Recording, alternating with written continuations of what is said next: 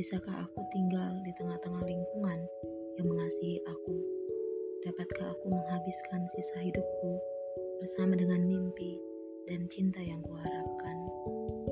Mungkin aku akan memilih untuk berada di tempat di mana aku bebas tersenyum dan berteriak jika hidup dapat memilih.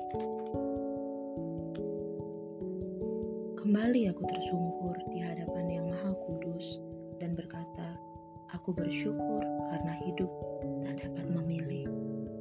Karena aku tak dapat memilih siapa orang tuaku, keluarga negaraanku, sukuku, agamaku. Bersyukurlah karena hidup tidak semuanya bisa memilih.